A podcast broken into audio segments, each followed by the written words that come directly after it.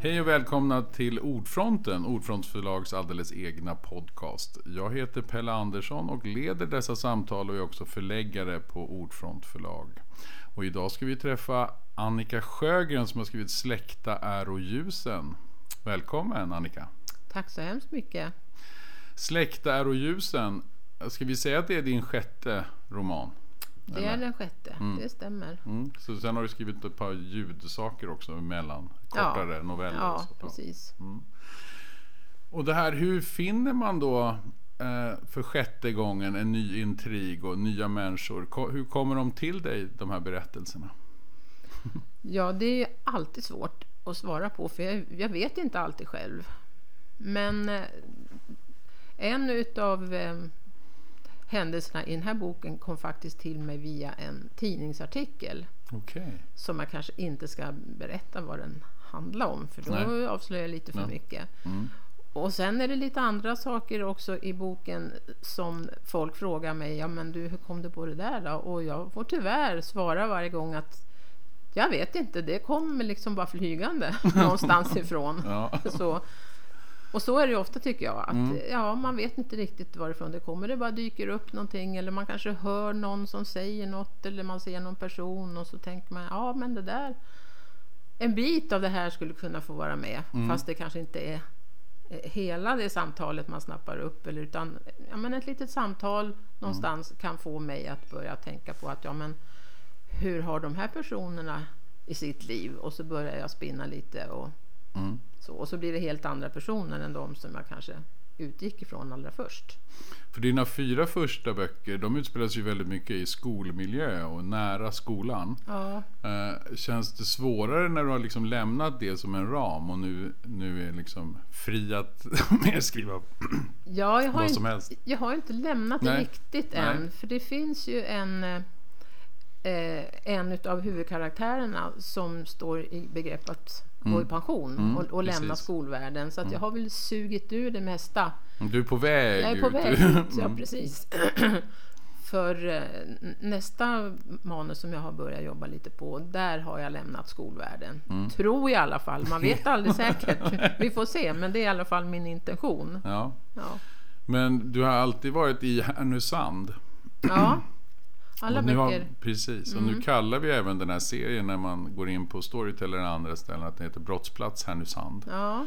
Och vad är det med Härnösand som gör att du vill liksom är det bara att du bor där eller finns det något annat som du tycker är spännande med Härnösand som gör att du vill vara i den miljön? Ja, alltså jag är ju inte uppvuxen Nej. i Härnösand. Jag är uppvuxen i Stockholm men flyttade upp dit för att, att plugga. Och jag har väl drabbats av en kärlek till Härnösand. Mm. Jag, jag, jag stortrivs och tycker att det är en underbar stad. Och då kan man ju för sig undra, är det ett sätt att visa sin kärlek att lägga mordberättelser där? Det kanske inte är det bästa kärleksbeviset. Men, eh, ja, men jag tycker att Härnösand fungerar på det viset att det är ju en ganska idyllisk stad som mm. småstad betraktat. Det är väldigt vackert. Ja, det är en väldigt vacker stad. Mm. Sen har det ju hänt otäcka saker i verkligheten där också, men mm. de har jag aldrig med i mina berättelser. Men jag tycker att det är lite spännande det där att ja, men vad, vad finns det bakom husfasaderna och vad är det som döljer sig under ytan? Och, mm. Eh, och sen tycker jag också att det är spännande med Härnösand därför att där blandas eh, vad ska jag säga, ja men alla samhällsgrupper mm. kommer liksom konfronteras mot varandra mer än vad jag tror att man gör i Stockholm där man lever ganska avskilt i sina strukturer, ja, klassstrukturer. Ja. På något sätt. Ja. Men i Härnösand så måste man liksom mötas och det tycker jag är ganska spännande möten. Så jag har ofta personer som ja, men kanske har helt olika bakgrund och vad händer när de måste stötas och blötas ja, på precis. något sätt. För det tänkte man ju på även i de tidigare romanerna att det var ju tydligt att här i Stockholm till exempel så eftersom det är närhetsprincipen som råder för skolan och så, så ja. hamnar ju också ungefär samma klass. Människor med samma klassbakgrund har ju också hamnat i samma skola och utbildar. Alltså man behöver ja. kanske under ett helt liv inte ens konfronteras med någon från en annan klass eller Nej. en annan miljö. Nej, Men det fick, det fick ju folk verkligen göra i dina skolberättelser. Ja, ja, ja. Jo, men precis. Ja, nej, men jag menar, I förra boken så hade jag ju en, en kvinna och hennes eh, barnbarn som väldigt tydligt var överklass. Och så om mm. man går tillbaka boken före det, ja men där hade jag en man som levde utanför samhället och, mm. och försörjde sig som vikarierande städare på olika skolor. Så att, mm. ja, jag försöker liksom skildra olika, olika samhällsklasser och olika personligheter. Mm. Så. Precis. Och i den här boken då, hur, hur, kom, hur kom du att tänka på just de här människorna? Paula och de andra i, i Släktar och ljusen. De, Tycker du att just den här pensionsberättelsen och sånt, vad den, ligger den nära dig själv eller så? Eller vad var det som gjorde att du ville utforska det här ämnet på väg bort från skolan och så? Ja, det är klart att, att det ligger nära mig själv. Jag gick ju i pension för några år sedan. Och jag tycker att det är väl lite spännande att berätta om för att det här med pension är ju någonting som väldigt många människor säger åh vad jag längtar till pensionen. Mm det ska alltså bli så underbart att få sova länge på morgonen och slippa mycket ansvar.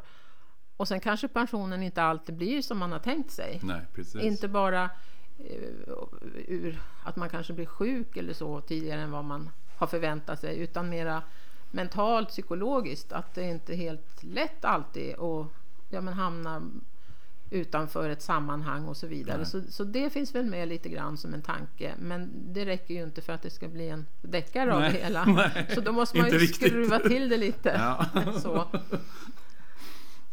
Eh, så att eh, Ja, men det var väl lite alltså, det, det, finns ju de som tänker att jag Paula då som en av huvudkaraktärerna heter mm. och som berättar sin berättelse i jag-form. Mm. Det är ju en form av dagbok som hon berättar Precis. sin Mm. historia i. Eh, och då är det ju väldigt lätt att tänka att jaha, ja men det här måste ju vara Annika själv. Men det, mm. det är det ju inte. Men Nej. naturligtvis utan att jag kanske förstår det själv så kommer väl lite små, små bitar av mig mm. Med. Så kan Precis. det vara. Men det är inte jag. Nej, man hoppas att inte du har haft samma erfarenhet ja, som Paula. Ja, men precis. Absolut. Nej men för det här blir ju också en berättelse där du faktiskt sammanför olika klasser. För här finns ju också Paulas dotter och hennes pojkvän och pojkvännens kompisar och så. Då mm. dras det plötsligt in en ganska, en helt annan värld i ja. Paulas ganska städade medelklasstillvaro ja, kan man väl säga. Ja, men precis. Och samtidigt så har ju hon då lite arbetarklassbakgrund men mm. numera då är medelklass. Mm. Så är det ju. Så alla har förflyttat sig på något ja, sätt? Ja, men precis. Ja. Och sen har jag ju också den här, i den här boken för första gången tagit med en kriminell person mm. vid namn Råttan. Mm. Eller ja, han heter ju inte Råttan, men ja. han är lite lik en råtta mm. och har fått det smeknamnet bakom ryggen. Det är mm. ingen som törs säga det till honom rakt i ansiktet. Men, och när jag kom på honom så tänkte jag lite grann att ja men det här kan ju liksom skruva till det hela lite grann. Mm. Men jag har ju tidigare mest berättat om ja, men relativt vanliga människor som hamnar i situationer de aldrig har föreställt sig att de skulle hamna i och hur de då hanterar det. Mm. Och det är ju framförallt då naturligtvis i, i mordhistorier att man att det man nästan är, råkar hända något ja, som ja, man måste precis. ta itu med. ja, men sätt. precis. Ja. Och man kanske då har en, en nära anhörig som blir misstänkt. Mm. Hur hanterar man det? om man blir misstänkt själv, oskyldigt misstänkt, hur hanterar man det? Alltså det är det jag tycker är lite spännande. Mm. Mer egentligen än själva brotten. Mm. Så, men, men den här råttan nu då som är ju i, i princip enbart en bara väldigt sliskig person. har jag förstått att väldigt många tycker är lite kul. Mm. För de liksom, när jag berättar om att jag har med en en riktig brottsling? En riktig mm. brottsling från undre världen mm. så att säga. Så, mm. Ja, men det låter spännande mm. tycker folk. Så det är lite roligt. Mm. Så jag kanske får försöka hitta någon mer. Som varje gång? Ja, ja precis. För det är också det, det, det, det, det du alltid gör. Du lyckas både dra in de här alltså problemen kring brottet och sen är det nästan ibland som att det, det ja, som du säger, att det är runt omkring det brottet det blir jobbigt för folk. Att ja. hantera det och bli utsatta för det och även de som blir ja, att människor runt, det blir flera ringar. Ja. Det är inte alltid bara just den personen utan det blir fler runt omkring som ska hantera, hantera brottet på ja, något sätt. Ja.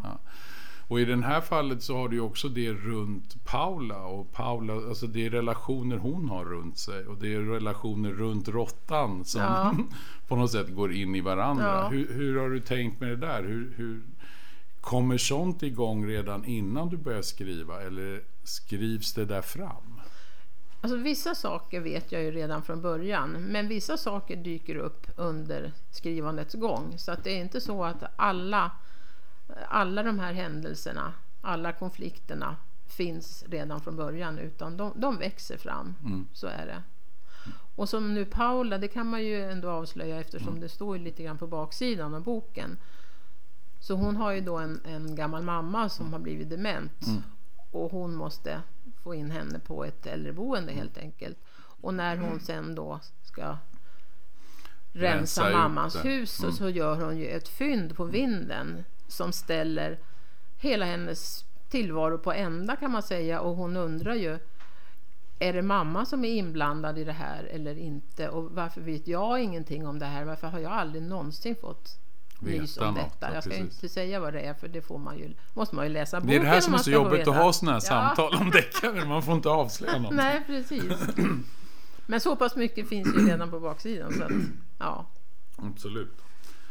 Och eh, och, och, den, och det påverkar också hennes relation då till sin dotter, eller hur? Alltså, ja. Även Paula, även om hon då haft ett problem med sin man, alltså hon tycker det är jobbigt och konstigt att det har funnits en slags hemlighet ja. i relationen ja. till sin mamma. Men det blir ju som att den här hemligheten också blir ett problem för hennes relation till sin egen dotter, eller hur? Ja, mm. precis. Jo, men hon är ju, hon går ju väldigt länge och håller det här för sig själv. Mm. Och hon inser väl någonstans att jag borde ju kontakta polisen.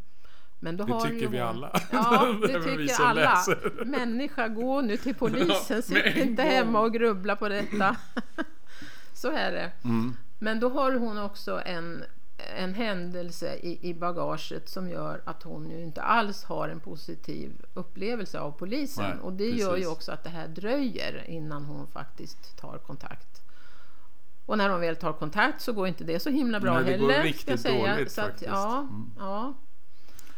Nej men för det blir ju också som att hon ger sig ut på en egen undersökning. Ja, eller hur? Hon ja. börjar försöka ta reda på mer om sin mamma och försöka ta reda på vad som har hänt, vad som kan ja. ha före, föranlett det här. Och vem som faktiskt kan ha begått det här. Ja, mm. ja men precis. Brottet eller vad vi ska säga. Nej men sen parallellt med det så är ju då den här eh, lite äldre mannen Manfred som bor utanför mm. Härnösand. Mm. Och som ruvar på en hemlighet han också. Mm. Som ju, också en slags gömd dold sak. Ja, som man kan säga. precis. Mm. Och där det finns eh, släktingar som, blir, som är inblandade och Ja, och vill komma blir... över det han har ja, gömt ja, undan precis, kan man säga. Ja. Mm. precis. Mm. Och eh, ja, det blir ju en, en rejäl konflikt kring detta också. Mm, verkligen. Och, och, le, och, leder till inte alls bra saker. saker. Precis. Nu får vi vara så här lite hemliga igen. ja, Nej, men det är ju så. Och det här vävs ju också ihop lite. Eller hur? kan man ju säga. Och att, och råttan faktiskt har ju en viss betydelse för många av de här problematiska ja. relationerna ja. kan man tänka. Jo, men mm. precis. Mm. Han är där och stökar. Ja. Mm. Och sen så har du ju även en berättelse om, tycker jag ändå, Paulas dotter och hennes flytt till Stockholm och, och hennes relation till sin man och så. Ja, mm. ja. Och, och, och den, det känns ju också som att det, det kanske är det som gör att Paula inte går till polisen. Alltså, hon känns lite ensam Paula, ja, eller hur? Ja. Mm. Hon har hon liksom har ingen ny... att dela med Nej, på något hon, hon har ju ganska mm. nyligen blivit änka också. Ja, så att både bli änka och så gå i pension samtidigt. Alltså det kan ju få vem som helst att, att sjunka ner. Förutom att man upptäcker någonting hemma hos sin gamla mamma. Precis. Så att menar, det, det, det, det räcker och blir över om jag säger så. Mm. Ja. Och, för det blir ju också det, det är ju det som är så intressant för att du har ju också dottern och hennes man och mannen har ju också dras in i saker som kanske inte är helt rimliga. Mm. Mm. Ja, jo precis. Och varför tycker du det är så viktigt? För det tycker du ofta gör också det här att det blir också en flera historier och, in, och brottet blir både det att det är mycket om det här med dåligt samvete eller ska jag gå till polisen eller hur hanterar man misstänksamheten om, eller vara misstänkt eller inte Mm, och sådär. Men du har ju också väldigt mycket om familjer och familjerelationer Ja. och de här djupa faktiskt problemen som kan uppstå med just att en dotter ska flytta eller man får inte kontakt med något barn eller det är någonting Mm, som, är, som inte är, är bra i relationerna.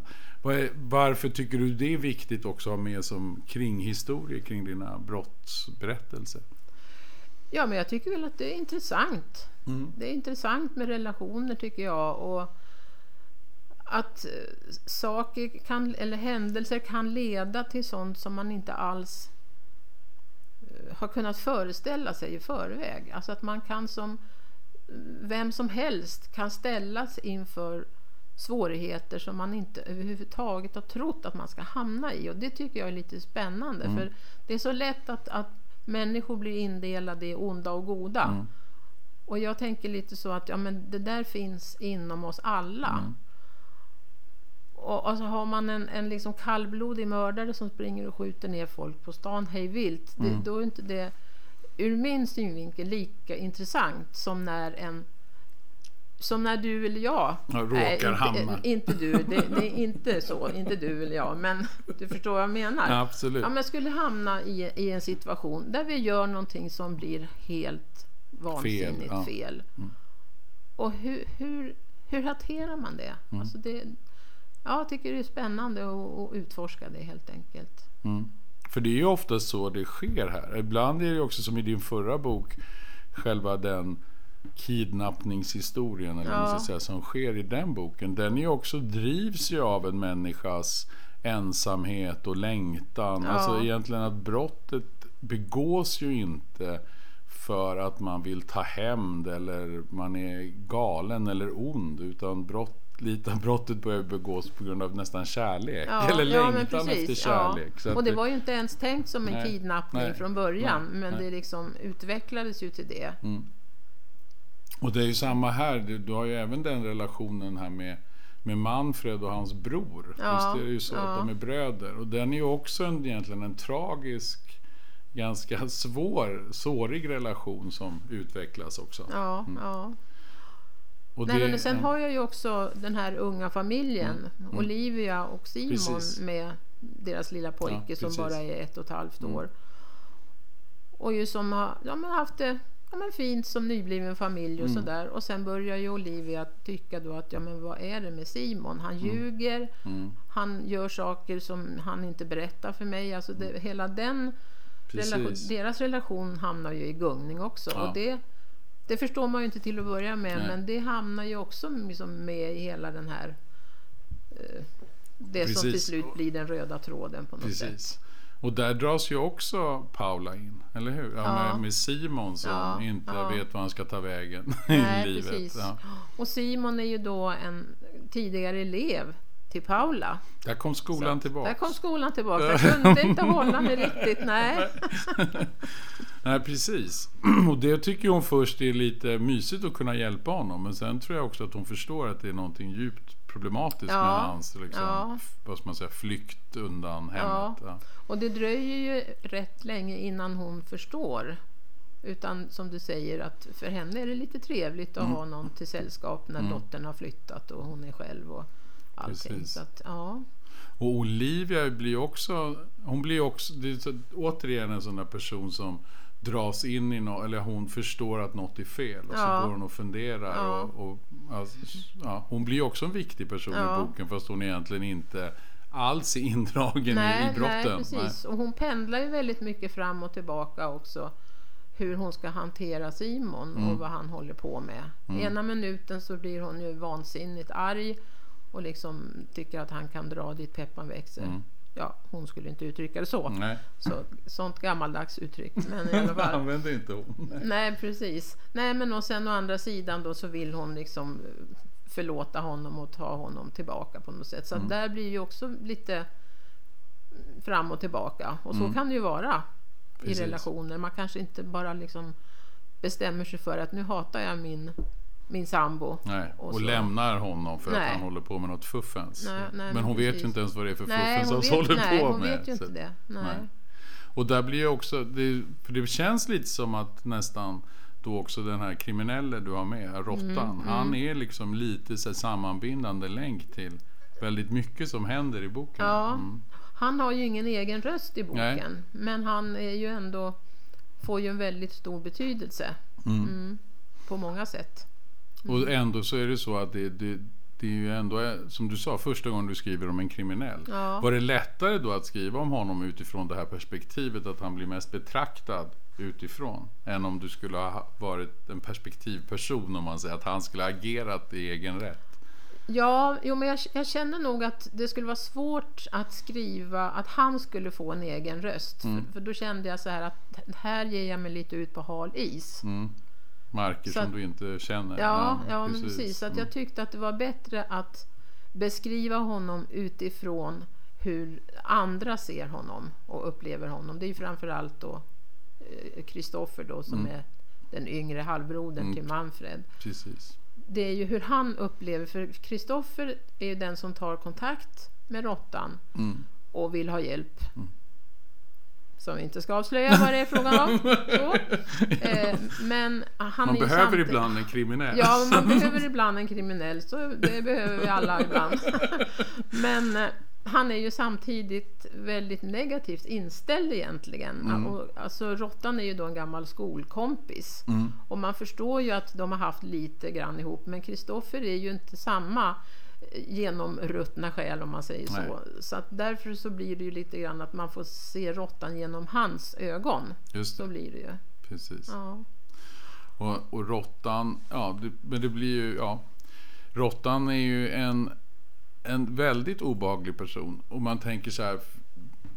Eh, har du själv någon gång stött på någon kriminell? Alltså, för du, man blir ju rädd för honom. Eller man tycker han är väldigt, väldigt obehaglig. Är det så att du har någon egen erfarenhet av, av kriminella på något sätt? Eller har du stött på jobbiga personer i skolmiljön? Eller hur?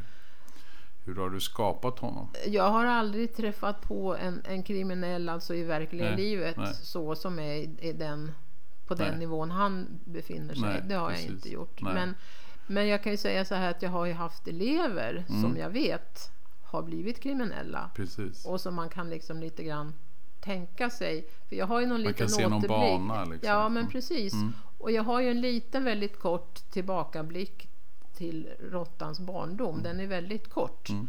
Och där kan jag liksom, det kan jag ha plockat ifrån någon elever, gammal elev. Eller kombination ja. av ja. elever. Ja. Och, och tror du att du alltid kommer att liksom röra dig? Är det så här du vill skriva böckerna i framtiden också? Just det att blanda klasserna, vara i den här vackra miljön, se bakom kulisserna. Är det liksom din, din värld? Det är det här ja, du vill men göra? Så, ja, men så mm. tänker jag nu.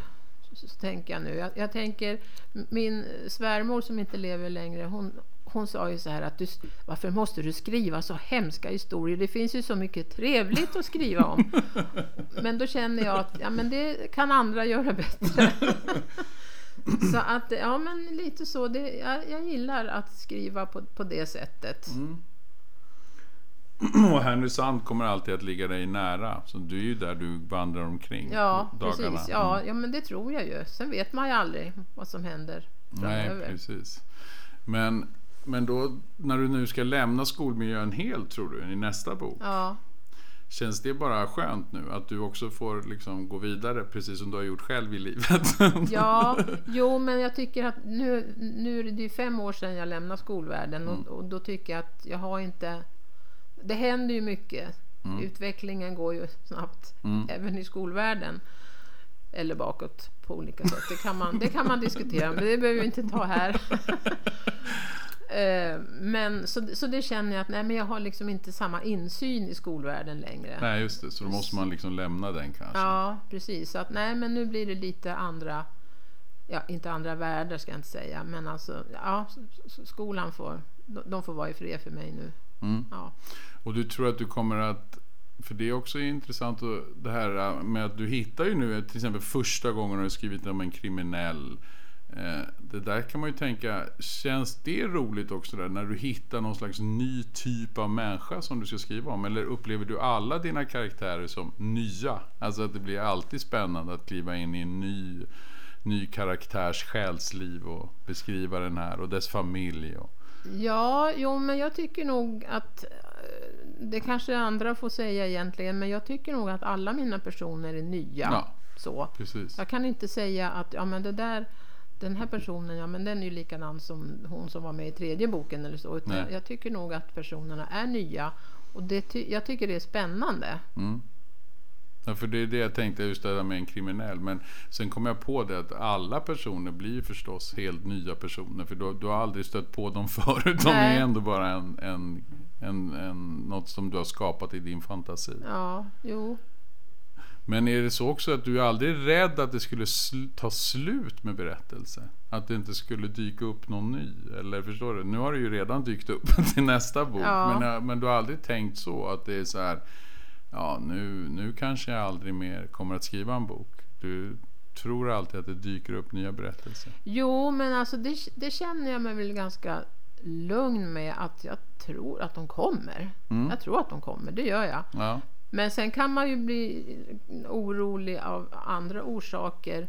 Jag hade en period när jag åt någon medicin mm, som gjorde att jag märkte att huvudet funkar inte som det ska. nej. Och jag menar eftersom jag börjar bli lite till åren så kan det ju, så kan det ju komma andra saker Ja, just som gör hindrar. hindrar dig ja, från men att precis. skriva. Ja, Mm. just det.